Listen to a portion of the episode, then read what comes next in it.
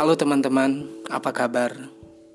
Senin 22 Juni 2020 Kembali lagi bersama saya Ridwan Aneo di podcast Suara Hati. Ada kalanya perasaan hanyalah perasaan. Perasaan bisa tumbuh dan berubah kapan saja. Tanpa pernah bisa diminta sesuka hati.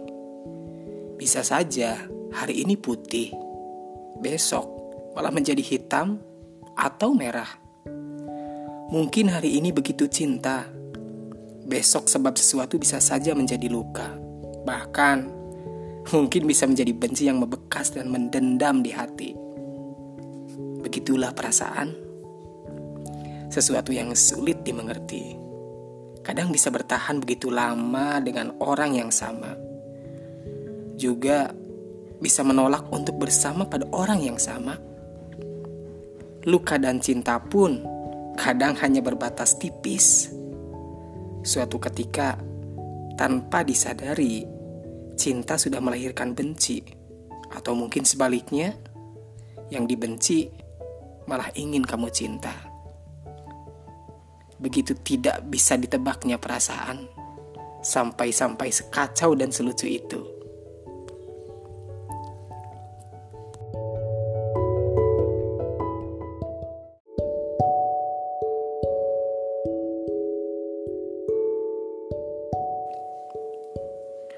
Halo teman-teman, apa kabar?